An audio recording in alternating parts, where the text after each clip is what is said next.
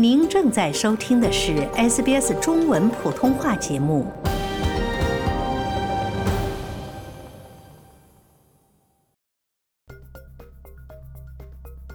各位听众，大家好，您正在收听的是 SBS 新闻快报，我是 Lauren 陈龙。在马克·麦高文宣布辞去西澳州长的职务后，西澳洲卫生厅长 Amberjade Sanderson 成为了接替麦高文的最有力人选。本周二，也就是五月三十日上午，西澳洲议会的议员们与联合工人工会在珀斯的工会总部召开会议，就下一任西澳州长人选进行投票。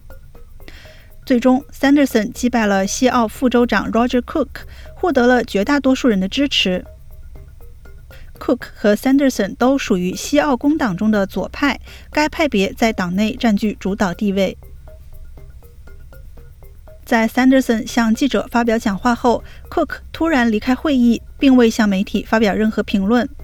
出席会议的议员之一 Dave Kelly 在 Sanderson 之后简短发言，他说：“他将会做得很好，我对 Roger 非常敬重，我们将继续推进这个过程。”另一个可能接替麦高文担任州长的是交通厅长 Rita Safioti。与麦高文一样，Safioti 不属于任何派别，但可能会得到一些来自党内右派的支持。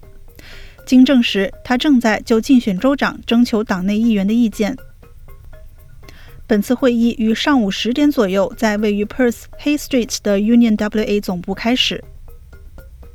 州级引入的规定意味着，如果有两个或更多人提名竞选州长一职，将启动一个漫长的程序，要求党内所有基层成员进行投票。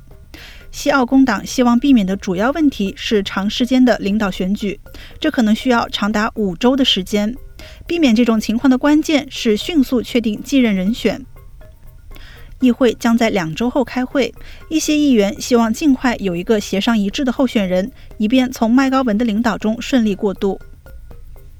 前西澳洲州长 Jeff Gallop 表示，麦高文的继任者肩负着重任，但他对党的未来前景充满信心。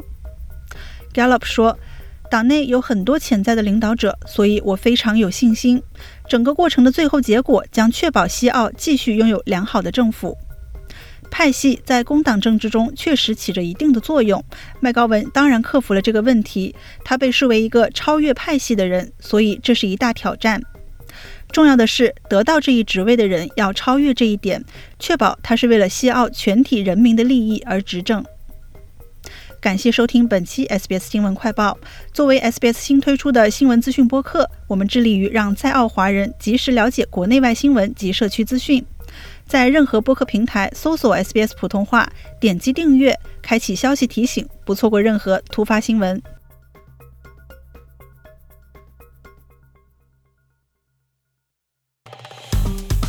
喜欢、分享、评论，欢迎您在 Facebook 上关注 SBS 普通话页面。